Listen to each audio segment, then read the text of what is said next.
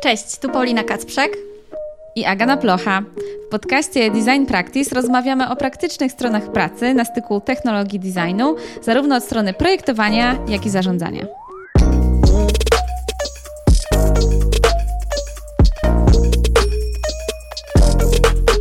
W tym odcinku porozmawiamy o tym, dlaczego designerzy powinni znać się na typografii, jak się jej uczyć, jak wygląda praca typografia i ile można na niej zarobić, i o projektowaniu własnego kroju pisma. Naszym gościem jest Mateusz Machalski, człowiek orkiestra, projektant graficzny, typograf, wykładowca i działacz na rzecz promocji polskiego projektowania. Od wielu lat sprzedaje swoje fonty dużym graczom. Zdobywca grantów i inicjator projektów społecznych, a do tego zapalony podróżnik i sportowiec. Realizuje również duże komercyjne projekty brandingowe. Pracował m.in. dla Roberta Lewandowskiego czy Maty. Notatki i linki wymienione w tym odcinku znajdziecie na naszej stronie designpractice.pl ukośnik 041. A sponsorem dzisiejszego odcinka jest D-Protocol, serwis z konkretnymi ofertami pracy dla branży IT. Koniecznie sprawdźcie na dprotocol.it. Cześć Mateusz. Hej Mateusz. Cześć, cześć. Powiedz nam na początek, e, jaką książkę ostatnio przeczytałeś? Ulala, ale ostre pytanie na początek. Wiecie co? Dosłownie jestem w trakcie czytania, ale już tak przy końcówce, więc można uznać, że w zasadzie przeczytałem. To jest nowość od Maxa Cegielskiego, e, Kongo w Polsce. Taka książka, która opowiada o wędrówce po Polsce, ale linkując nas bardzo mocno do jądra ciemności Józefa Konrada, więc takie coś, co ja bardzo lubię i w projektowaniu, i w życiu, czyli patrzenie, jak na wielu poziomach różne te same rzeczy wydarzają się e, symultanicznie w różnych miejscach. Super, to na pewno podlinkujemy. E, a dzisiaj porozmawiamy sobie o typografii. Pewnie to będzie nasz główny temat. E, jakbyś mógł powiedzieć dla osób, które Cię jeszcze nie znają, nie kojarzą, e, czym się zajmujesz na co dzień? Um może zacznę od początku. Mateusz Machalski i zajmuję się przede wszystkim projektowaniem graficznym, natomiast od wielu, wielu lat taką główną dziedziną, w której się poruszam jest typografia. Natomiast to nie jest tak, że tylko projektuję kroje pism, broń Boże, natomiast myślę, że pryzmat liter jest u mnie obecny w każdej działalności. Czy to jest branding, czy to jest projektowanie książek, czy to jest jakieś tam praca przy eventach, przy popularyzacji e, polskiego projektowania na świecie, że zawsze te litery gdzieś są pryzmatem, przez które patrzę, więc e, ogólnie rzecz ujmując, grafik, typograf. No i jeszcze warto wspomnieć o zaangażowaniu społecznym, bo jesteś też zaangażowany w wiele projektów i praca na uczelni. Czy jeszcze pracujesz na uczelni? Dobrze pamiętam? Tak równolegle do pracy tak zwanej komercyjnej. E, pracuję również na Akademii Sztuk Pięknych w Warszawie na Wydziale Grafiki. Na szczęście nie w pracowni typografii, tylko w pracowni multimedialnej kreacji artystycznej, więc e, nie, nie dubluję dyscypliny, a pozwala mi to jakoś tam w miarę zachować chłodny osąd na późniejsze moje projekty. A oprócz tego, e, tak jak Paulina wspomniała, jestem zaangażowany w sporo różnych działań społecznych. Czasami są to projekty badawcze, czasami realizacja jakiejś rewitalizacji krojów pisma, e, dużo edukacyjnej działalności, a także no, angażowanie się w różne projekty typu Stowarzyszenie Twórców Grafiki Użytkowej e, czy inne temu podobne. Mhm. No człowiek to, orkiestra. Tak, dokładnie. Ja, ja, się zawsze zastanawiam, Mateusz, jak ty to robisz. To jest w ogóle niemożliwe. Więc Ile trwa doba może... Mateusza? Może cię tutaj e, podpytamy jak, e, o, o twój sposób pracy, jak ty to wszystko łączysz, jeśli uda nam się znaleźć czas, bo pytań, pytań mamy do ciebie całe mnóstwo.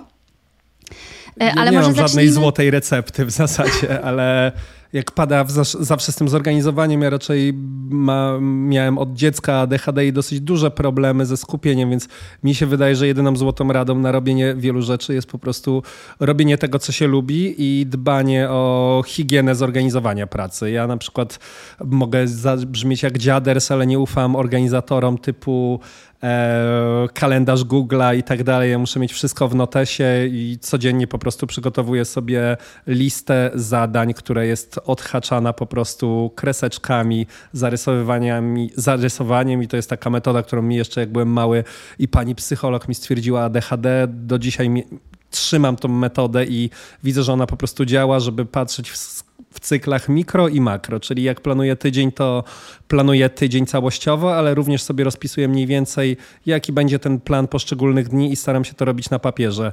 Nie wiem dlaczego, ale wydaje mi się, że jak to jest na papierze, to sam ruch po prostu długopisu i zakreślania, wymazywania. E, daje takie poczucie, ok, done.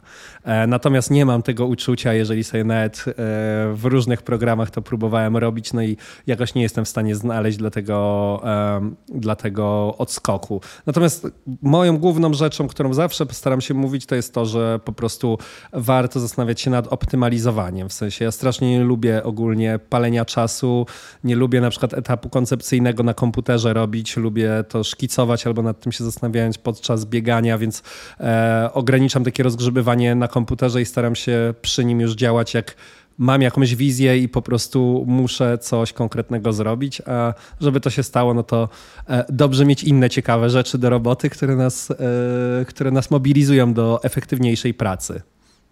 Super, w ogóle mega szacun, że z ADHD udaje Ci się tak wiele rzeczy doprowadzać do końca, bo to jest naprawdę nie lada wyzwanie i faktycznie wykreślanie jest czymś bardzo satysfakcjonującym, e, aczkolwiek ja akurat na przykład lubię mieć cyfrowo, bo jak robię to, e, jak używam papieru, to później gubię po prostu te, te No, to jest główny problem papieru, ale można sobie, ja na przykład duplikuję, w sensie ja mam jeden kalendarz jakby spotkaniowy i z takimi rzeczami mam cyfrowo, natomiast codziennie robię sobie po prostu skrypt, co ja dzisiaj mam w planie i co ja po kolei mam zrobić. I wydaje mi się, Ekstra. że takie, brzydko mówiąc, odbęb, znaczy no nie odbębnianie, ale takie odhaczanie, ok, to jest zrobione, to jest zrobione, gdzieś tam wprowadza dosyć dużo spokoju, zwłaszcza, że jest ta nagroda w postaci wykreślenia e, danego punktu programu i uciechy z tego, że ta karteczka codziennie się zapełnia na czarno. Mhm. Ekstra. No to wróćmy teraz e, z tematu organizacji pracy do typografii. E, I bardzo chciałybyśmy tutaj prosić Cię na początek o takie uściślenie pojęć, ponieważ jest odwieczna walka w internecie między fontem a czcionką. Jeszcze pojawia się pojęcie krój pisma, więc gdybyś mógł z Twojej perspektywy wyjaśnić naszym słuchaczom i słuchaczkom, e, czym się różnią te pojęcia i dlaczego jest ta batalia font-czcionka.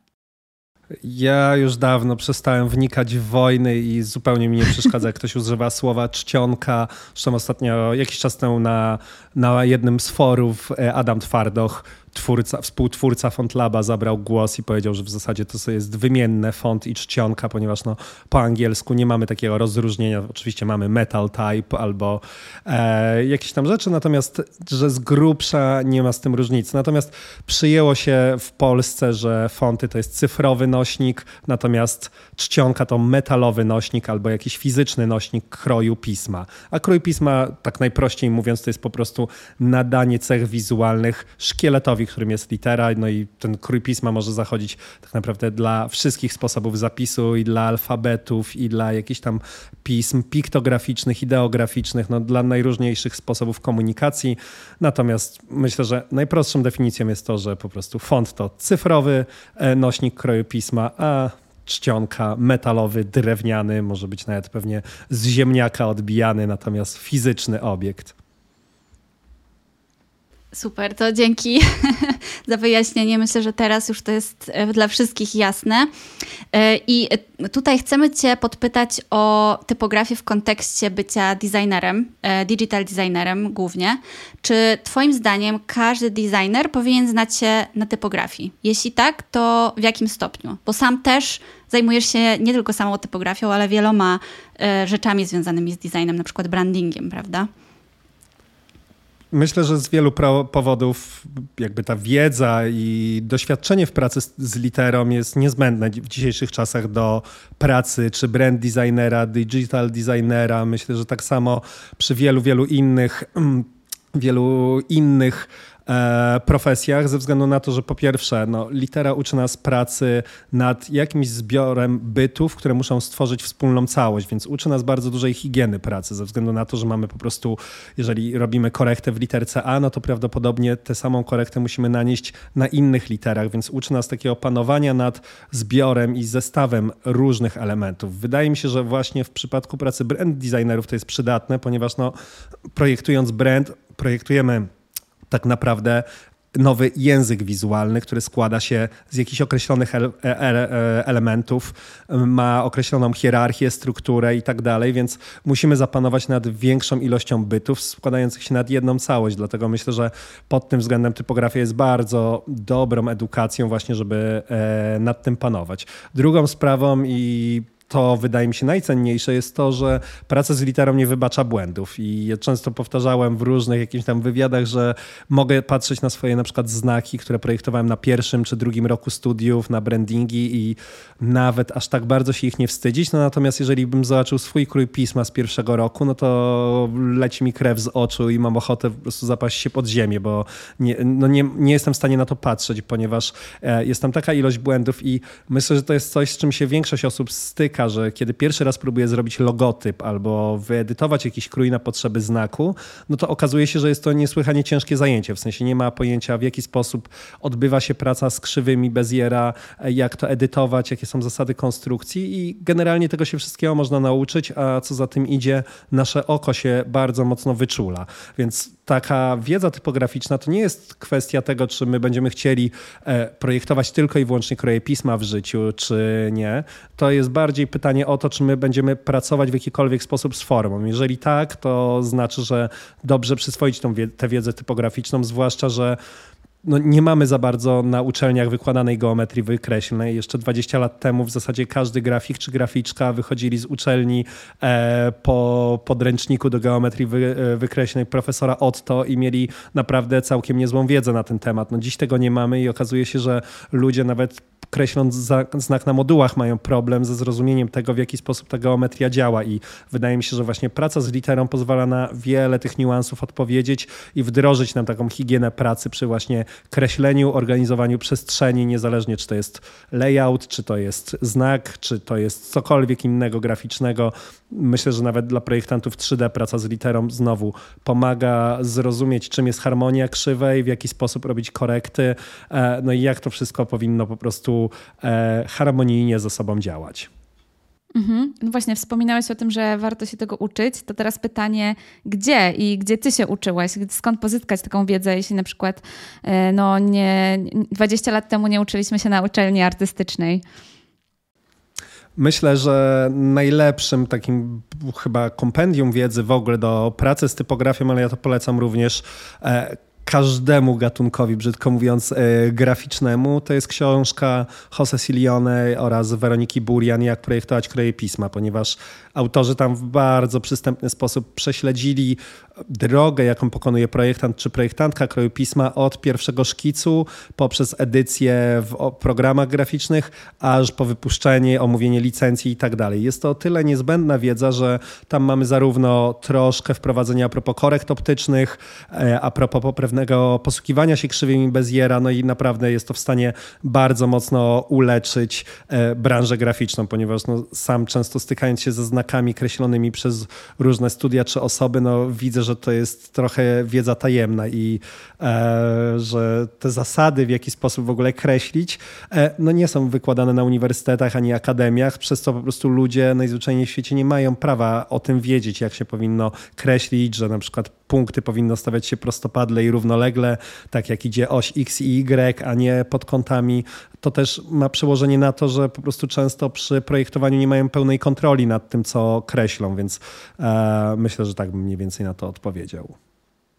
A z jakich narzędzi ty korzystasz do, do projektowania? Czy jest to Glyphs, czy może jeszcze jakieś inne programy?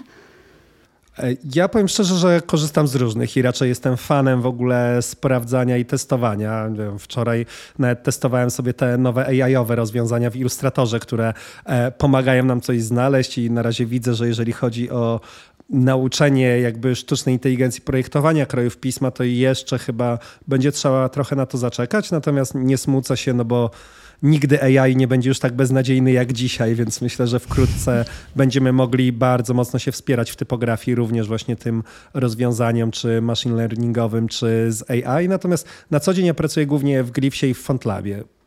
W zasadzie nawet przy brandingowych projektach duża część pracy odbywa się właśnie w FontLabie i w Glyphsie, ponieważ no, Illustrator to nie jest program parametryczny, to jest program, który można zrobić, nie wiem, laurkę na imieniny dla cioci, wykreślić ilustrację, natomiast pewnie wszyscy znamy dobrze ten mem, w którym e, mamy zestawioną ze sobą e, osobę w wieku 30 lat, która już ma rodzinę i coś tam, a ja i moje problemy i próbuję dociągnąć dwa kwadraty do siebie w Illustratorze i one tak o jeden moduł przeskakują, więc no, w Illustratorze jest strasznie dużo bugów do takich, jeżeli chodzi o określenie i tak naprawdę, no, jeżeli ktoś się przesiądzie, już pomijając fakt, że w Illustratorze nawet nie jesteśmy dwóch wąsów w stanie naraz złapać i ich edytować, więc no, jeżeli ktoś spróbuje już pracy w FontLabie albo w Robofoncie, albo w Gryfsie, no to odkryje, że tak naprawdę kreślenie to jest oddzielna zupełnie jeszcze dyscyplina w projektowaniu, w sensie, że nawet ten sam znak możemy wykreślić na parę różnych sposobów, on będzie miał zupełnie inną dynamikę, zupełnie inny charakter, więc e, zdecydowanie polecam przesiadkę.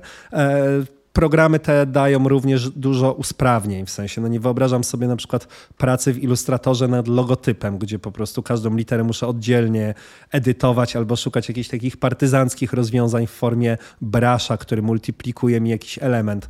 No te rzeczy są po prostu z Basicu dostępne właśnie w profesjonalnym softie do kreślenia i tak jak ludzie tworzący, nie wiem, wzornictwo, mają AutoCADy i inne programy, tak myślę, że taka wspomaganie się właśnie pracą w Glyphsie czy w FontLabie e, no jest czymś, co naprawdę bardzo może nas odciążyć i przyspieszyć wiele procesów. Na e, niedawnej konferencji e, GrafConf w Toruniu e, wspominałeś o swoich zarobkach i w ogóle bardzo wiele osób jest Ci wdzięcznych za to, że się tym podzieliłeś, bo to rzadko, rzadko kto się tym dzieli i wspominałeś o różnego rodzaju zleceniach, które masz właśnie dzięki temu, że znasz się na typografii.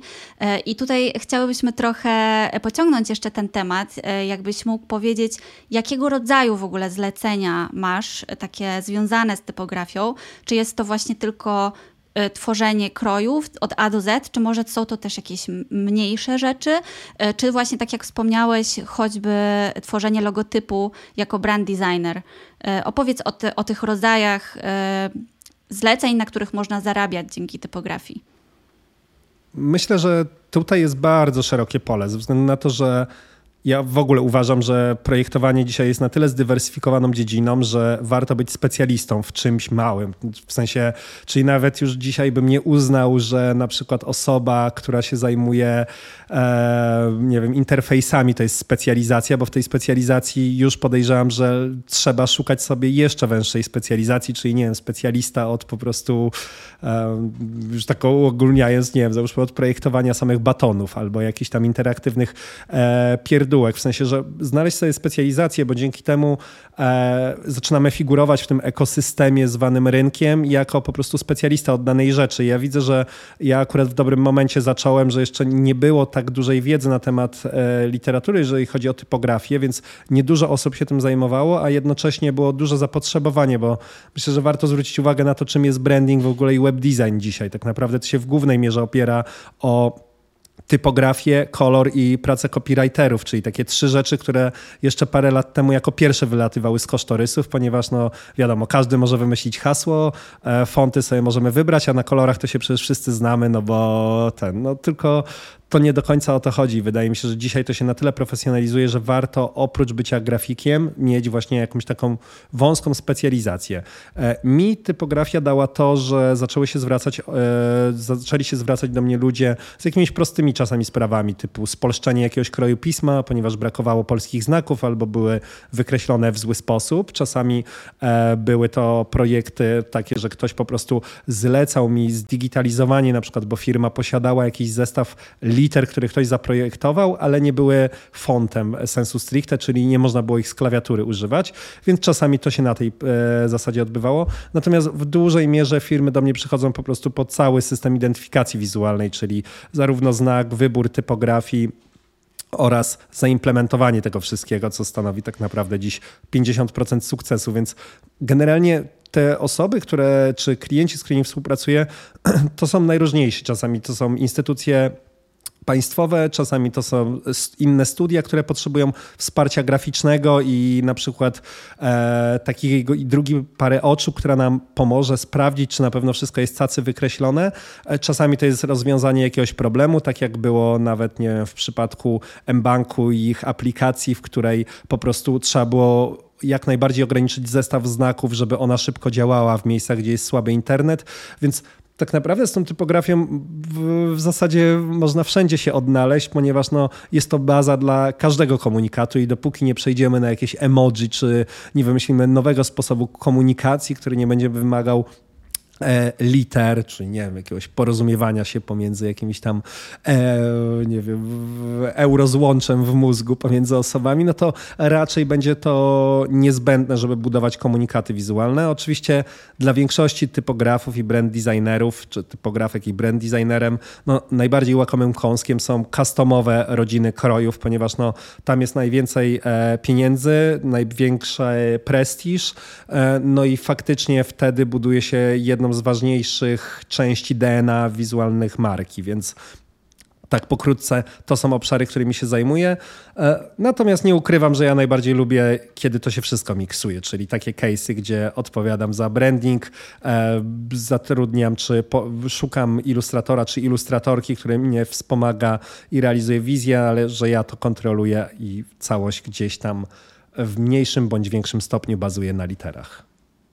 Wspomniałeś o tym customowym krojopisma, to może też warto wspomnieć, że Twoje krojopisma są dostępne w różnych Type Foundries do, do zakupienia. E, jakbyś opowiedział trochę więcej o tym, ile w ogóle można zarobić i też jak wygląda w ogóle takiego, taki proces publikacji swo, swojego fonta e, w, w sieci e, na różnych marketplace'ach.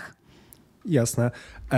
Sam proces jest dziecinnie prosty. W sensie ja nawet jak pierwsze fonty publikowałem, to w zasadzie od momentu zgłoszenia do pojawienia się tego na markecie, na MyFontsie minęło, nie wiem, tam 5 dni, 7 dni, więc to naprawdę nie zajmuje dużo czasu. Wystarczy się zgłosić. W zasadzie na każdej takiej stronie mamy dział submission, gdzie możemy po prostu przesłać swoje projekty, opowiedzieć coś o sobie, no i powiedzieć, dlaczego chcielibyśmy tam sprzedawać.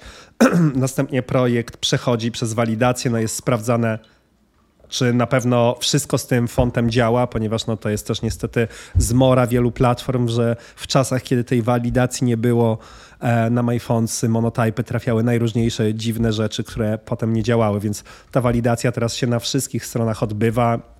Jest sprawdzany zestaw znaków, sprawdzają e, to, czy na pewno to jest legalne, ponieważ no, było dużo spryciarzy, którzy brali istniejący font, zmieniali nazwę, robili nowe banery i sprzedawali, więc e, było dużo jakichś takich rzeczy. Na szczęście dzisiaj to się już nie zdarza, więc jest e, to dużo bardziej fair w stosunku do twórców i twórczyń. Natomiast no, więcej problemu oczywiście jest z Google Fonts czy z Adobe Fonts, ponieważ no tam faktycznie dobrze już mieć jakieś portfolio i jakąś pozycję na tym rynku typograficznym. E, w Adobe Fonts oczywiście no możemy przyjąć, że to jest taki rodzaj Spotify'a, gdzie użytkownicy i użytkownicy, którzy kupili licencję na pakiet Adobe, mają do dyspozycji jakąś tam liczbę fontów, która, e, którą opublikowali twórcy związani z Adobe i oni dostają po prostu od tego pieniądze, e, które są w różnej kwocie zależnej od ilości synków na komputerach, od ilości odmian, które użytkownicy używają, od ilości wyświetleń na stronach internetowych, więc to jest wszystko zliczane trochę jak na Spotify dla muzyków i przekazywane dla grafików.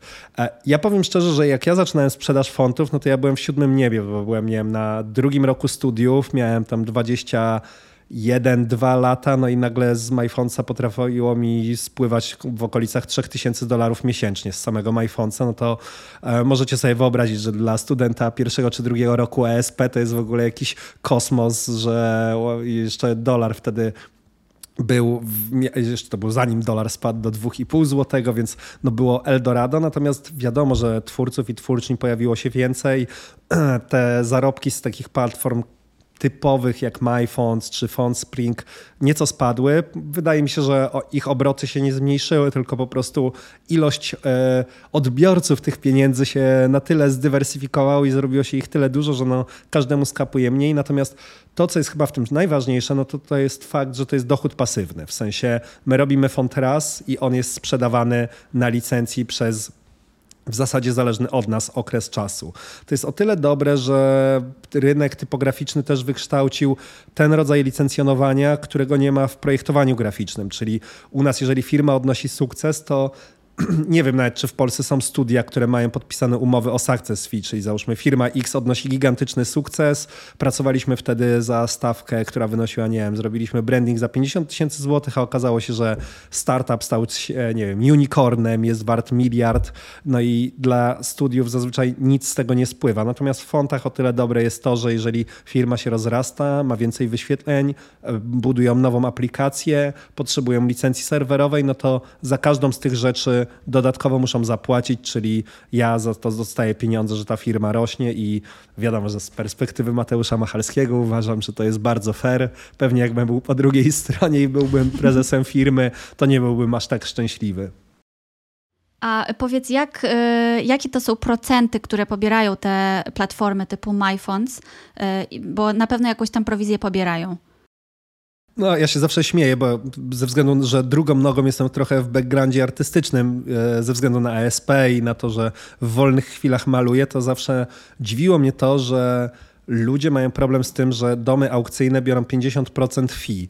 Ja miałem takie, kurczę, no przecież oni mają, nie wiem, lokal w centrum miasta, wydają katalog przedaukcyjny, mają masę jakichś tam rzeczy, które muszą zrobić, zorganizować aukcję, konferencjer, coś tam, wystawa przedaukcyjna, że 50 brzmi ok, bo ja w fontach oddaję dokładnie tyle samo MyFontsowi za to, że oni udostępniają na stronie miejsce dla mnie. Oni nie robią mi promocji, w zasadzie to ja promuję i im napędzam klientów, więc to jest po prostu no, e, taka, do, e, taki średnio zdrowy układ, bo ja nakręcam klientów zazwyczaj, żeby kupowali właśnie przez MyFonca jako dużą firmę, natomiast no, oni udostępniają mi przestrzeń jakby na swojej stronie gdzie ja mam możliwość sprzedaży fontów. Natomiast no, biorą 50%, nie, nie musząc budowania, nie wiem, produktów fizycznych, w zasadzie no, mają pewnie dział obsługi, znaczy nie pewnie, tylko mają dział jakiejś tam obsługi tych wszystkich interesantów, natomiast no i tak ten procent wynosi 50, więc e,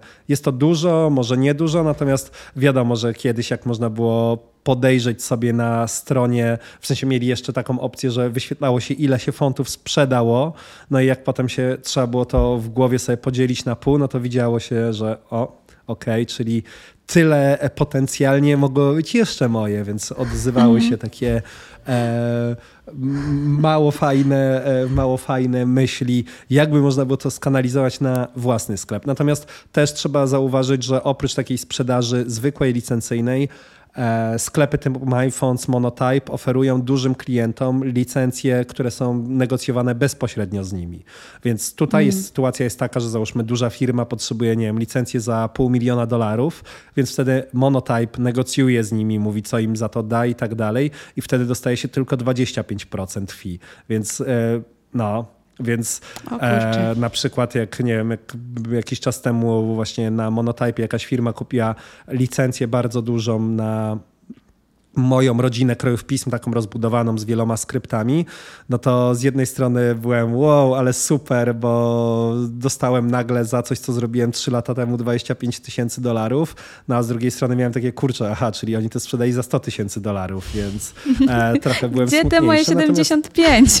dokładnie tak, więc, e, no więc trzeba pamiętać, że no, zarobki w fontach wydaje mi się, że jak ktoś dba o promocję i dużo w tym działa, to naprawdę e, no, są nieporównywalnie wyższe niż w projektowaniu graficznym. W sensie wydaje mi się, już tak rozmawiamy o stawkach, że nie wiem, czy dużo jest osób w Polsce, którzy pracują w studiu i mają, nie wiem, pensję na poziomie 20 tysięcy czy 30 tysięcy złotych. Myślę, że to są raczej takie e, sumy, o których myślimy o programistach. Natomiast no, w typografii myślę, że dużo znam zresztą z Polski osób, które nagle miały takiego bestsellera, który po prostu się utrzymywał długo, no i potrafili e, na tym rynku zrobić złoty deszcz, bo po prostu ich krój się sprzedawał. Wiadomo, że tu nie chodzi tylko, nie chodzi o pieniądze, natomiast gdzieś ten e, wątek finansowy myślę, że jest bardzo często przemilczywany w branży graficznej i zapominamy, że oprócz tego, że no fajnie, fajnie, że sobie wszyscy w tym działamy, to że o tych pieniądzach trzeba rozmawiać, no bo jakoś nie mamy problemu, żeby sprawdzić, ile bierze wykwalifikowany prawnik od prawa międzynarodowego i ja jestem w stanie nawet teraz sprawdzić szybko, jaką on ma godzinówkę. Natomiast w Polsce mamy godzinówkę, mamy wyliczanie z fusów, mamy tyle metod wyliczania pracy i rozmowy o pieniądzach są często tak krępujące, że ten rynek przez to moim zdaniem bardzo dużo traci. Zostawiłyśmy dla Was pytanie na Spotify. Koniecznie tam zajrzyjcie i na nie odpowiedzcie. Czekamy też na Waszą ocenę tego odcinka. Możecie ją wystawić na Spotify albo Apple Podcasts. Sprzedałeś krój Bonanowa do Google Fonts. Jakbyś mógł coś więcej mhm. opowiedzieć na tyle, ile możesz oczywiście. Jak w ogóle wyglądał ten proces? Czy to oni się zgłosili do ciebie, czy ty zabiegałeś o to, żeby oni zwrócili uwagę na twoją twórczość? Jak to się działo? Jasne. Wiecie co, no, ja też zawsze, jeżeli mam jakieś takie idee, że coś bardzo chcę zrobić, to dosyć szybko przechodzę do działania, a dzięki temu, że e, wraz z moją narzeczoną Anią Wieluńską, Borysem Kosmynką, Adamem Twardochem i Andrzejem Tomaszewskim i Michałem Jarocińskim mamy takie małe grono mocno wkręconych w literki i w rzeczy związane z kulturą wizualną, to szybko przechodzimy po prostu do działania i szukamy, jak to można zrealizować. Z Boną sytuacja była dosyć prosta, ponieważ jak ja wpadłem na pomysł realizacji tego projektu, no to wiadomo, że chciałem zrobić stronę, inne rzeczy, to wszystko kosztuje, więc rozpisałem grant Młoda Polska pod kątem tego projektu, żeby go w ogóle zrealizować i napocząć, e, dzięki te, czemu w ogóle projekt powstał. I to też jest istotne, że ten grant w zasadzie mi nie dał żadnych pieniędzy. E, to były pieniądze, które przeznaczyłem na wyprodukowanie strony internetowej, na korekty, na druk książki i na najróżniejsze produkcje eventu. E, natomiast często te projekty, które nie przynoszą nam cyferek na koncie, okazuje się, że w jakiś inny sposób na nas zarabiają. Albo właśnie tak jak w przypadku na początku Bony, gdzie dużo osób się dowiedziało o tym, że robię fonty, albo w ogóle ta historia ich zaciekawiła, więc to był taki start dla mnie, że ok, czyli nie wszystkie projekty, które realizujemy, muszą mieć jakiś background finansowy, bo są inne rzeczy, które mogą nam później ten, e, te finanse pomóc e, zrobić, a niekoniecznie muszą być nimi E, projekty takie pro bono. Więc później z Boną ja szukałem dalej pieniędzy, bo chciałem koniecznie ten projekt rozbudowywać i zgłaszałem się w różnych projektach grantowych. Podejrzewam, że dostałem odmowę pewnie nie w dziesięciu. Natomiast w końcu zaskoczyło i dostaliśmy pieniądze na rozbudowę Bony o nowe odmiany. E, już z tego grantu można było wypłacać sobie jakby tam za swoją część pracy pieniądze, nieduże, no ale zawsze coś. Natomiast potem podczas konferencji Atypi w, w Antwerpii. E, rozmawiałem z Dave'em Crosslandem, który się zajmował wtedy, był takim, w zasadzie nadal jest w Google Fonts szefem i się bardzo zainteresował projektem Bony i powiedział, że chcieliby kupić pliki otwarte, bo oni mają taką politykę, że kupują jakby font ze źródłami, żeby użytkownicy i użytkownicy mogli to z GitHuba pobrać, ściągnąć, edytować sobie i robić różne rzeczy. Ja nawet nie miałem pojęcia, natomiast e, jak to w ogóle wygląda, nawet powiem szczerze, że wtedy nie wiem, czy się zastanawiałem, że za to można mieć pieniądze. E, no a później się właśnie dowiedziałem podczas jakiegoś kola z nim, że, e, no, że za taki font, który ma tyle odmian, e, zapłacimy ci kwotę X, a jeżeli byś jeszcze rozbudował to arabski i hebrajski, to kwotę Y. No ja byłem taki wow, no to super, bo to były jakieś tam kwoty rzędu 80 tysięcy dolarów czy coś w tym stylu, więc no bardzo fajnie jak za projekt, który nie miał nic zarobić. Um, więc dzięki temu mogłem po prostu rozbudować bardzo te bony, e, opłacić sobie wsparcie jakby techniczne osób, które są native'ami w arabskim czy w hebrajskim, żeby to było wszystko dowiezione na jak najwyższym poziomie. No a też finalnie byłem szczęśliwy, ponieważ no, wiedziałem ile byłem na debecie, jeżeli chodzi o finanse z boną i ile tam po prostu sam inwestowałem w to, a nagle się okazało, że to wróciło z nawiązką po prostu z Google'a, więc te budżety e, na pewno są ciekawe, ale wydaje mi się, że i tak no, nic nie przebija customowych krojów robionych po prostu na zlecenie firm, no bo tam tak naprawdę, zwłaszcza nie w Polsce, tylko za granicą, no, są chyba największe pieniądze. To jeszcze może jakbyś... No. Tak, po, może jeszcze jakbyś Mateusz pokrótce opowiedział e, o samej historii Bony. Skąd, skąd pomysł i na czym polegał ten projekt? No, Bona to był taki e, mój oddolny projekt ze względu na to, że jak studiowałem na akademii, to byłem w pracowni u profesora Wieczorka. To jest taka osoba, która była wieloletnim dziekanem Wydziału Grafiki, no i w zasadzie on ma numery do wszystkich ważnych postaci w świecie kultury, więc on często jak widział u mnie nowe zajawki czy coś, że chce się uczyć, no to polecał mi swoich kolegów po prostu po fachu, że jak nie wiem, chciałem uczyć się projektować layouty, no to wysłał mnie do Wojtka Frondenreicha, jak chciałem coś o znakach się dowiedzieć, to akurat był Karol Śliwka w Warszawie i mogłem mu pokazać portfolio, z nim pogadać, czy profesor Chyliński, autor Orlenu, i tak fart trafił, że ja dużo czasu spędzałem w Zecerni na ASP, bo byłem jakoś mocno zajarany e, czcionkami i w ogóle e, pracą z, typograficzną, ale w tym tradycyjnym rozumieniu i natknąłem się na krój, który się nazywał Bona. I jak zacząłem E, szukać o co tutaj chodzi, bo zobaczyłem, że autor się nazywał Andrzej Heidrich, to jakoś w tym samym momencie wyszedł artykuł Artura Frankowskiego w 2 plus 3D e, gazecie świętej pamięci o mistrzu małej grafiki, e, Andrzeju Heidrichu. Ja się zszokowałem po prostu, bo nagle zobaczyłem, że ten człowiek zaprojektował banknoty, layouty paszportów, poprawki heraldyczne do godła, czy sorry, nie godła, tylko herbu profesora Kamińskiego, no i bardzo, bardzo dużo rzeczy i byłem zszokowany zszokowany po prostu ilością e, i jakością tych rzeczy. I kiedy rozmawiałem z profesorem Wieczorkiem, to on po prostu tak od razu jak zwykle wyjął telefon i zadzwonił do pana Andrzeja Heidricha i nas umówił na spotkanie. Ja wtedy byłem bodajże na drugim roku studiów, coś w tym stylu. No i oczywiście od razu przysiadłem do rysowania i w zasadzie tego samego dnia już narysowałem całą tą bonę. E, bo dosyć szybko pracuje. Natomiast no, jak pokazałem te szkice właśnie profesorowi Wieczorkowi, on tak stwierdził, wiesz co, no chyba jeszcze musisz się sporo nauczyć. E, ja to przyjąłem do siebie i wróciłem dopiero chyba po pięciu latach do tego projektu już z nowym doświadczeniem przy pomocy świętej pamięci Leszka Bielskiego i całej ekipy, która nam tam kibicowała i pomagała. Więc, e, więc to była niezwykła przygoda, ponieważ no, krój pisma nagle połączył trzy generacje absolwentów tego samego Wydziału Grafiki. Między mną a panem Andrzejem było około 60 lat różnicy, a no, dogadywaliśmy się po prostu jak koledzy po fachu, więc to była taka no, półtorej roku super przygody, czy nawet dwa lata intensywnej wspólnej pracy, spotkań co tydzień, które były przeplatane zawsze albo dyskusjami e, o aktualnej scenie projektowej, jakimiś nowinkami, co też dla mnie było ciekawe, że on nawet w wieku właśnie 80 paru lat cały czas był super zaciekawiony tym, co się dzieje w świecie projektowym, e, z, dużą, z dużym zainteresowaniem oglądał, nie wiem, projekty banknotów w Norwegii, które były z tymi charakterystycznymi pikselami, więc to też mi super imponowało, że można mieć tak otwartą głowę e, będąc w tym wieku, a z dziesiątej strony też coraz bardziej do mnie docierało, że w zasadzie no, niezależnie od tych wszystkich narzędzi i tak dalej, no zawsze w projektowaniu chodzi o myślenie i to, czy my to będziemy robić ołówkiem, czy będziemy pracować w Figmie, czy będziemy pracować w InDesignie, czy w Paintie, kreślić coś piksel po pikselku, no to jest drugorzędna sprawa, że najważniejsze jest to myślenie.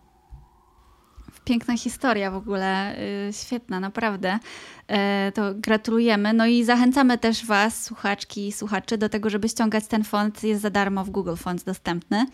E, I jeszcze chciałam właśnie uporządkować te kwestie wynagrodzenia związane właśnie z Google Fonts czy Adobe Typekit, bo powiedziałeś, że oni dali ci jakąś jednorazową kwotę na to, żebyś te, ten font rozszerzył o nowe języki, ale też wspomniałeś o tym systemie takim jak Spotify. A jak wiemy, Spotify niezbyt dobrze wynagradza e, muzyków, więc jakbyś mógł powiedzieć, jak to wygląda od strony właśnie typografów, czy to, czy to jest opłacalne w ogóle? I właśnie, że raz jest jednorazowa kwota, a raz z drugiej strony jeszcze ta subskrypcyjna. Jak to jest zorganizowane?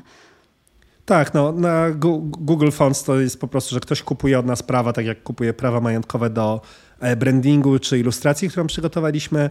Na MyFontsie my jesteśmy właścicielami i dostajemy 50% od sprzedaży, natomiast na Adobe Fonts to działa jeszcze inaczej, ponieważ my udostępniamy swoje pliki, a oni nam płacą podstawę, a oprócz tego procent od wyświetleń po prostu, bo ludzie jakby mogą bezpłatnie z tego korzystać, którzy mają subskrypcję na Adobe.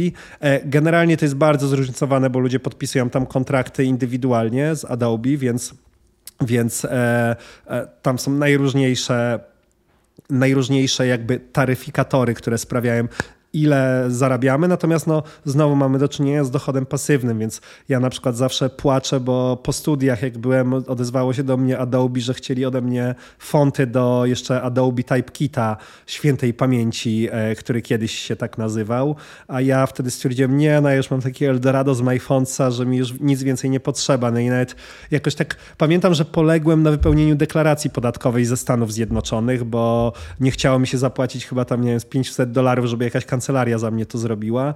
No a finalnie się okazało, że pewnie straciłem przez te 8 czy 9 lat parę mieszkań w Warszawie, bo, e, bo nie chciało mi się jednego papierka wypełnić, więc po paru latach błagałem, że słuchajcie, no ja chciałem, ale nie wyszło i udało się w końcu wrócić po jakimś czasie na to, na to Adobe.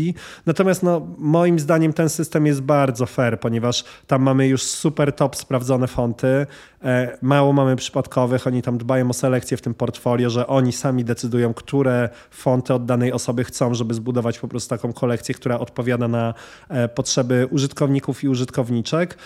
No i też wydaje mi się, że no finansowo to super wychodzi, ponieważ mamy pewność, ile dostaniemy co miesiąc, czyli załóżmy, nie wiem, tam za, e, jakie mam 5 czy sorry, 10 w tym momencie rodzin krojów pism, to pewnie będzie w okolicach kwartalnie około 40 tysięcy złotych na czysto, co dostajemy, plus to, jeżeli więcej użytkowników z tego korzysta, no to jest więcej, więc no daje to naprawdę spoko pasywny dochód na poziomie tam ponad 10 tysięcy e, złotych miesięcznie, natomiast też zobaczymy, bo te licencje lubią się zmieniać. Mam nadzieję, że na razie nie będą się zmieniały, natomiast no też myślę, że projektanci i projektantki muszą trochę tej wiedzy biznesowej o dywersyfikowaniu portfela i szukaniu różnych kanałów na dystrybucję swoich usług czy swoich projektów, że trzeba mieć z tyłu głowy, że no, ten rynek jest zmienny, że nie żyjemy w latach 60., że teatr przychodził do kogoś i zamawiał ilustrację i mogliśmy sobie pół roku nic nie robić, tylko że jednak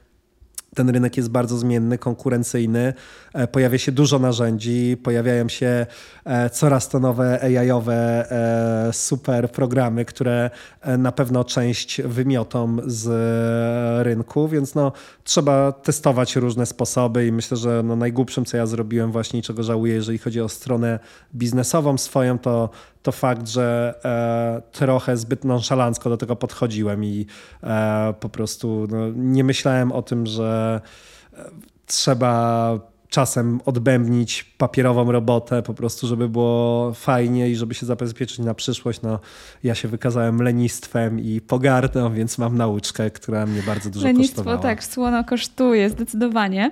E, chciałyśmy, chciałbyśmy jeszcze poruszyć wątek własnego Type Foundry, własnej wytwórni fontów e, kontra właśnie innych platform, e, bo współtworzysz Capitalix WTF i skąd w ogóle powstała taka decyzja, żeby, mm, żeby zrobić coś swojego, żeby zrobić swoją platformę? No, między innymi z tego, że byliśmy niezadowoleni z e, jakości fontów, które dołączają do MyFontsa. No, myślę, że każdy użytkownik i użytkowniczka, którzy czasem czegoś tam szukają, widzą, jakie jest bagno po prostu słabej jakości typografii, e, i ile trzeba po prostu czasu spędzić, żeby znaleźć coś wartościowego. Więc my stwierdziliśmy, że chcemy mieć taką selekcję po prostu e, swoich fontów wydawanych takich osób skupionych dookoła Michała Jarocińskiego, który wtedy wykładał projektowanie krojów pisma na ASP. E, I Michał zdecydował, żebyśmy spróbowali z własnym Fandry e, zacząć działać. E, do dzisiaj trochę mamy obydwaj wrażenie, że traktujemy to po macoszemu i z dużą zazdrością patrzymy na fajne strony FreeDots Type, czy Blast, czy nawet Like Type Fandry, ponieważ no widzimy ilość godzin, które zostały tam spędzone, żeby to faktycznie wyglądało jak milion dolarów. No nasze wygląda e, nieco gorzej w tym momencie, natomiast pracujemy nad tym w końcu po paru latach. Więc ta decyzja była podyktowana tym, żeby wydawać po prostu na swoich zasadach, e, ze względu na to, że dużo pracujemy z firmami. Ja w ogóle nie lubię rynku licencyjnego i myślę, że każdy, kto miał styczność z zakupem licencji, wie, jakie to jest piekło, po prostu kupowanie licencji dla firmy, która przed chwilą się dopiero dowiedziała, że trzeba coś takiego jak licencja kupić, a tu nagle trzeba powiedzieć, czy będziemy instalować ją na serwerze i masa po prostu e, takiego stresu, że ja nawet czasem jak kupuję jakieś fonty, to mam takie, o nie, to jest najgorszy element pracy. E, teraz trzeba negocjować, jaką licencję dokładnie dla klienta kupić, więc my też chcieliśmy mieć możliwość taką, że Robimy własny sposób licencjonowania, na przykład dużo sprzedajemy licencji otwartych, czyli firma X kupuje dla siebie licencję, my szacujemy jej rozwój, ile tam pracowników może być w przeciągu pięciu lat i przygotowujemy ofertę taką, że oni się już nie zastanawiają nad tym, czy liczba wyświetleń im przebije 200 tysięcy i muszą dokupić licencję, czy otworzą aplikację mobilną i będą kolejną licencję musieli kupić, natomiast mają spokój bardzo duży, że po prostu no, kupili tak, jakbyśmy pojechali w latach 60. do e, drukarni czy zecerni i kupili po prostu 10 kilo e, Ariala Bolda, tak? czy tam wiem, Helvetiki Noje. Więc trochę chcieliśmy taki system wprowadzić. E, myślę, że to jest rzecz, która coraz częściej się będzie sprawdzać, a drugą sprawą było to, że wpadliśmy na pomysł, co nam się też często sprawdza, robienia tak zwanych semi-customów, że coraz częściej klienci przychodzą do nas, chcieliby coś szytego lekko na miarę, ale nie tak od podstaw, więc my też zazwyczaj staramy się robić taki type consulting, że doradzać klientom, że słuchajcie, myślę, że robienie od zera Helvetiki nie ma sensu, ale zobaczcie, my w naszej ofercie mamy krój X, który możemy poddać lekkim modyfikacjom, możemy zmienić jego nazwę, możemy przygotować jego nowe grubości, czy stopień pochylenia, czy zrobić z tego variable fonta, a wy nie musicie wydawać nagle na to, nie wiem, 4 400 tysięcy złotych, tylko wystarczy, że kupicie e, licencję Open za 30 czy 40 tysięcy złotych i dzięki temu macie krój o własnej nazwie, nie martwicie się licencjami, e, a macie też coś niepodrabialnego, więc e, widzimy, że w tym jest dosyć duża nisza, którą myślę, że właśnie typografki i typografowie będą wypełniali, ponieważ no, tak jak zaczęliśmy rozmowę, ten branding dzisiaj w dużej mierze odchodzi od znaków graficznych, koncentruje się na kolorze oraz literach. Super. A jeszcze tak się zastanawiam, mm, no bo to, o czym mówisz, jest już bardzo takie eksperckie. Musisz się znać na robieniu fontów, być po prostu typografem, e, żeby właśnie uczestniczyć w tym procesie właśnie dodawania do Adobe Fonts, czy do Google Fonts, czy, czy, czy My Fonts. E, I zastanawiam się, czy osoby, które nie chcą być typografami, bo nie są na przykład takie geekowskie, ale interesuje je gdzieś tam ten temat i chciałyby go zgłębić, czy one, jak, jakie dla nich są tutaj możliwości? Wspominałeś o tym, że y, można właśnie sobie na przykład wykreślać znaki do brandingu, że można y, samodzielnie na przykład dodawać ogonki do, do fontów. Czy są jeszcze jakieś takie możliwości dla osób, które nie chcą być taki, w takim top, w takiej top eksperckości w tym temacie? Myślę, że tu jest bardzo dużo pola do popisu. W sensie, po pierwsze, jeżeli mamy świadomość, z czego zbudowany jest ten konstrukt zwany literą, łatwiej nam na przykład parować ze sobą fonty. No to jest odwieczna zmora, w zasadzie ciężko jest wytłumaczyć w jaki sposób odpowiednio parować ze sobą fonty. Jest parę przepisów, ja je często na warsztatach pokazuję, takich moich sprawdzonych metod. Natomiast ciężko to nazwać w taki sposób jak e, połącz czerwony z żółtym, to dostaniesz pomarańczowy. Raczej zawsze jest tam jakiś taki e, no, margines na to, że to nie wyjdzie, więc trzeba wiedzieć, co w takich wypadkach robić.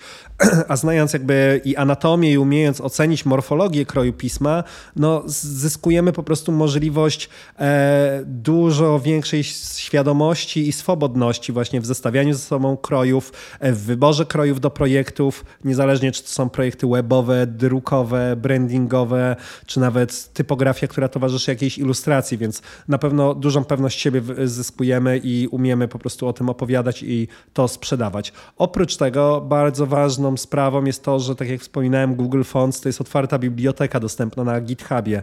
W zasadzie nawet teraz na spotkaniu możemy sobie ściągnąć istniejący font z jego źródłami i poedytować, nie wiem, szeryfy, zaokrąglenia, literę A, która nagle jest e, z koła, a nie taka humanistyczna, więc to jest też ważne, żebyśmy mogli sobie e, takie narzędzia włączyć do warsztatu projektowego, czyli jeżeli nagle dojdziemy do wniosku, że ok, na tej stronie e, chciałbym postawić na minimalizm, to czym jeszcze mogę go podkręcić? A na przykład właśnie użyciem okrągłego A, którego nie miałem w secie, więc je sobie przygotuję.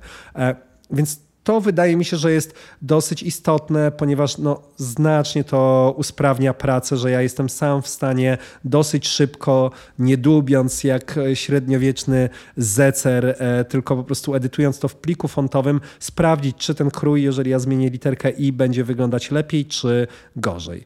E, inną sprawą jest również to, że jakby praca z typografią, zwłaszcza praca na masterach, ponieważ kroje projektujemy na tak zwanych masterach, czyli mamy na przykład cienką odmianę, środkową i grubą i pomiędzy tym możemy, tak jak mamy blend toola w Illustratorze, zinterpolować wszystko, więc to też jest przydatne, że jakby świadomość w ogóle tego, w jaki sposób e, w określonych miejscach kształty dostają więcej grubości, a gdzie mniej, gdzie się pojawiają korekty optyczne, że ja na przykład projektując znaki często sobie interpoluję od jednego wariantu do drugiego i sprawdzam po prostu, która z tych wersji jest najlepsza.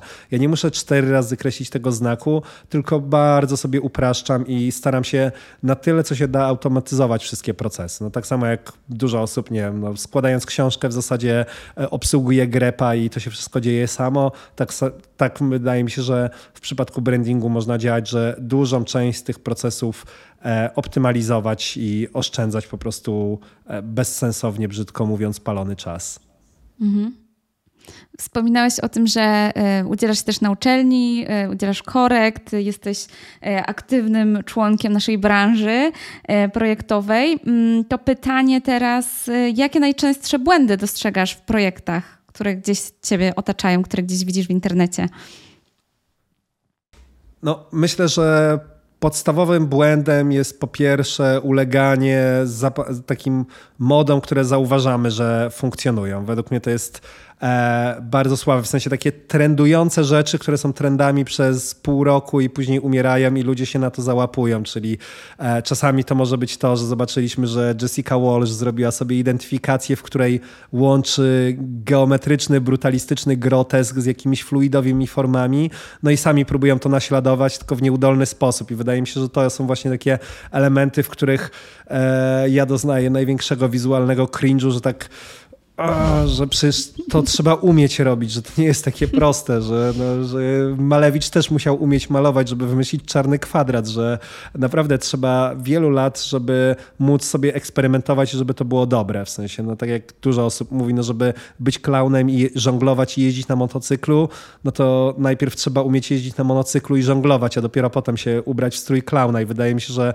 to jest główny problem e, projektantek i projektantów, że jeszcze zanim poznają zasady, to już je łamią. Mi się wydaje, że ja jestem w ogóle fanem takiego bardzo tradycyjnego podejścia, jeżeli chodzi o nauczenie się zasad, w sensie e, te zasady się w zasadzie nie zmieniły jakoś bardzo, natomiast to, co my potem z tym zrobimy, to jest już e, pełna dowolność, więc podstawowym grzechem na pewno właśnie takie ślepe parcie za jakimiś estetykami, które nam się spodobały, e, które wydają nam się proste w implementacji, pomimo że ktoś, kto je realizował w pierwszy, musiał przejść naprawdę no, grubą drogę, żeby odkryć w ogóle takie meandry świata wizualnego, a nam się wydaje, a o, to zostawię sobie pisankę z prostym i e, pozamiatane. E, inną sprawą na pewno jest taka właśnie niedbałość wynikająca i to uważam, że jest w w dużej części spowodowane właśnie brakiem należytej edukacji artystycznej, że dużo ludzi rezygnuje z ASP. Ja akurat w takich momentach bronię ASP, ponieważ no, myślę, że jeżeli ktoś przeszedł e, taki elementarny kurs zecerski, no to wie, czym jest łamanie tekstu, że nie dopuści do tego, żeby były kanaliki w tekście, nie dopuści do wiszących spójników, ponieważ zdaje sobie sprawę z tego, że to, co robimy na kompie, to jest jakby kalka tego, co robili w zecerni, tylko szybciej, więc myślę, że takie bardzo podstawowe błędy, jeżeli chodzi o, o skład tekstów, to jest rzecz, która jest nagminna i wydaje mi się, że to właśnie też no, jest kwestia takiej e, no, albo braku edukacji, albo braku chęci, że po prostu no, wszyscy chcą, w zasadzie ja też tak chciałem być od razu, e, robić eksperymenty, szaleć i, i, i, kwestionować wszystko, natomiast wydaje mi się, że znowu lepiej najpierw e, grzecznie po Bożemu poznać te reguły, złożyć jedną książkę grzecznie, a dopiero potem zacząć e, eksperymentować. Ostatnią rzeczą, którą uważam za gigantyczny błąd, to jest zdecydowanie wszystko, co się dzieje ze standardowym oddawaniem plików, jeżeli chodzi o znaki. W sensie już pomijam fakt kreślenia, korekt optycznych, tego w jaki sposób to się odbywa, ale no, myślę, że ten brak jakby wiedzy o tym, że nie może zostać nieskrzywiony font, że nie może niewyekspandowany stroke zostać, e, czy w jaki sposób grupować elementy i taka higiena pracy, no to też e, jest no, bardzo moim zdaniem problematyczna, zwłaszcza na, dla takich finalnych użytkowników, którzy z tym muszą działać. No, e, tego też znowu no, ani się nie wykłada na akademiach, no bo nie wydaje się to w ogóle tematem, a według mnie umiejętność jakby odpowiedniego oddania pracy, zrobienia do tego odpowiedniej dokumentacji, czy w formie księgi znaku, czy brandbooka, no jest tak samo istotna, ponieważ no, ten projekt może przestać działać przez to, że albo się właśnie skaluje jakiś stroke, albo jakiś element nam się nie kopiuje, bo ktoś po prostu nie wyekspandował całego obiektu, więc myślę, że taka najzwyklejsza rzemieślnicza dbałość o detale to jest taki e, grzech pierworodny e, współczesnego projektowania. A powiedz, y, jak y, pod kątem takim światowym oceniasz w ogóle e, polski poziom typograficzny? I tutaj pytam zarówno właśnie o, o to, um, o użycie typografii w takim bardzo szerokim rozumieniu, ale też właśnie typografów, którzy tutaj działają. Jak w ogóle oceniasz ten poziom tutaj? Ja uważam ogólnie, że poziom polskiego projektowania jest bardzo wysoki. W sensie to nie jest żaden taki e, patriotyzm z klapkami na oczy, tylko faktycznie jeżdżąc sporo po szkołach i po konferencjach widzę, że jakby i to, w jaki sposób zagraniczni projektanci i projektantki odbierają polski design i jak sobie porównuję metody dydaktyczne, jakby całą propedeutykę projektową, że naprawdę nie mamy się czego wstydzić. E, myślę, że jedną rzeczą, która faktycznie, w której Polska odstaje, no to są budżety. E, no i myślę, że właśnie takie rozmawianie o pieniądzach może to mocno uleczyć i jakby otwarcie się na to, żeby o tym rozmawiać, bo wtedy dochodzimy do jakichś konkretnych wniosków, więc zupełnie jeżeli chodzi o stronę wizualną, jakościową, nie widzę żadnego powodu do wstydu, a mało tego uważam, że mamy bardzo dużo zdolnych projektantek i projektantów. Bardzo mnie to cieszy też, że w zasadzie często jak się zastanawiam nad e, jakimiś osobami, które podziwiam, to w większości to są kobiety projektujące i że w zasadzie dzisiaj ta scena e, w Polsce też jest, może jeszcze bym nie powiedział zdominowana przez kobiety, no ale nawet patrząc po parę dni temu na STGU nagrodach, no, że ten parytet jest zdecydowanie lepszy niż w, w innych branżach, w sensie, e, więc to mnie też bardzo cieszy. I co, myślę, że kwestia właśnie takiej higieny pracy, sposobu prowadzenia projektów, ale to na pewno jest też spowodowane historią e, Polski niełatwą i że troszkę gdzieś musimy gonić w niektórych segmentach Zachód, natomiast broń Boże nie uważam, żebyśmy mieli się e, czego wstydzić. To porozmawiamy sobie jeszcze o nowinkach technologicznych. Wspominałeś o AI. E, już parę dobrych lat temu było głośno o Variable Fonts. Teraz w takim razie pytanie, co obecnie jest na topie i czym warto się interesować, nie tylko z perspektywy e, takiego doświadczonego typografa, jakim jesteś ty, ale także po prostu e, designerów. Myślę, że trochę tych fajnych rzeczy się pojawia, w sensie przede wszystkim mam tu na myśli takie rzeczy, które usprawniają nam pracę, w sensie jestem pod wielkim wrażeniem wszelakich narzędzi do prezentowania, do szkicowania konceptów, do moodboardów, ponieważ no, te narzędzia naprawdę, no, nie wiem, ja kocham te, te funkcje w Photoshopie teraz do e, generatywnego wypełniania, bo tak naprawdę jesteśmy to, co wcześniej musiałem szukać jakiejś konkretnej ilustracji i tak dalej, jestem w stanie bardzo szybko zwizualizować e, klientowi to dokładnie o co mi chodzi. Jeżeli chodzi o takie stricte technologiczne przemiany, e, wydaje mi się, że na razie będziemy chwilę musieli poczekać na to, aż pojawi się kolejna jakaś rewolucja jak variable, font, e, variable fonty. E, zresztą też nie wydaje mi się, żeby one w jakikolwiek sposób, chociaż większe zostały wykorzystane. W sensie rzadko widzę twórcze wykorzystanie variable fonts. Wydaje mi się, że też trochę te technologie fontowe wyprzedzają czasy, że jeżeli patrzę na kursie, na którym opowiadam o variable variable fontach, a okazuje się, że ludzie mają problem z obsługą superskryptu, subskryptu, jakichś podstawowych funkcji zecerskich w Illustratorze czy InDesignie, no to zdaję sobie z tego sprawę, ok, no, że jakim cudem ta osoba ma w ogóle używać variable fontów, jak ona nie wie, jak zrobić z automatu na przykład, nie wiem, ułamki, tak? Więc więc e, myślę, że ta technologia zdecydowanie wyprzedza. Natomiast e, to, co w variable fontach jest ciekawego, to na pewno warianty optyczne oraz to, że jesteśmy w stanie, e, świadomy użytkownik czy użytkowniczka są w stanie bardzo mocno skustomizować krój na, do potrzebnych celów, w sensie, że jesteśmy w stanie e, dokładnie zrobić to, na czym nam zależy i mamy stuprocentową kontrolę. Natomiast znowu to jest taki miecz obusieczny, z jednej strony dla zaawansowanego użytkownika to jest super narzędzie, a dla kogoś, kto nie jest tym zaawansowanym użytkownikiem, no to może być jakaś patolka wizualna, ponieważ on nie, nie umie tego wykorzystywać, więc no znowu wracamy do tematu warsztatu i takiej świadomości projektowej. Z fajnych narzędzi, e, tak jak wspominałem, na pewno lubię to wszystko do, e, do przygotowywania e, właśnie prezentacji, czy nawet do pisania, czy tworzenia opisów, no bo tu chat GPT jest po prostu czymś niezastąpionym i szukania sposobów, bo myślę, że to jest taka dosyć duża nisza, znajdywanie jakichś tam rozwiązań, jak można jeszcze inaczej wykorzystać AI. No nawet dzisiaj te plakaty, które powstają, takie żartobliwe, jakieś tam o politykach, które udają plakaty Pixara, a opowiadają o jakichś sytuacjach z życia, no widać, że e, to, że mamy wszyscy dostęp do, tego, do tych różnych generatorów,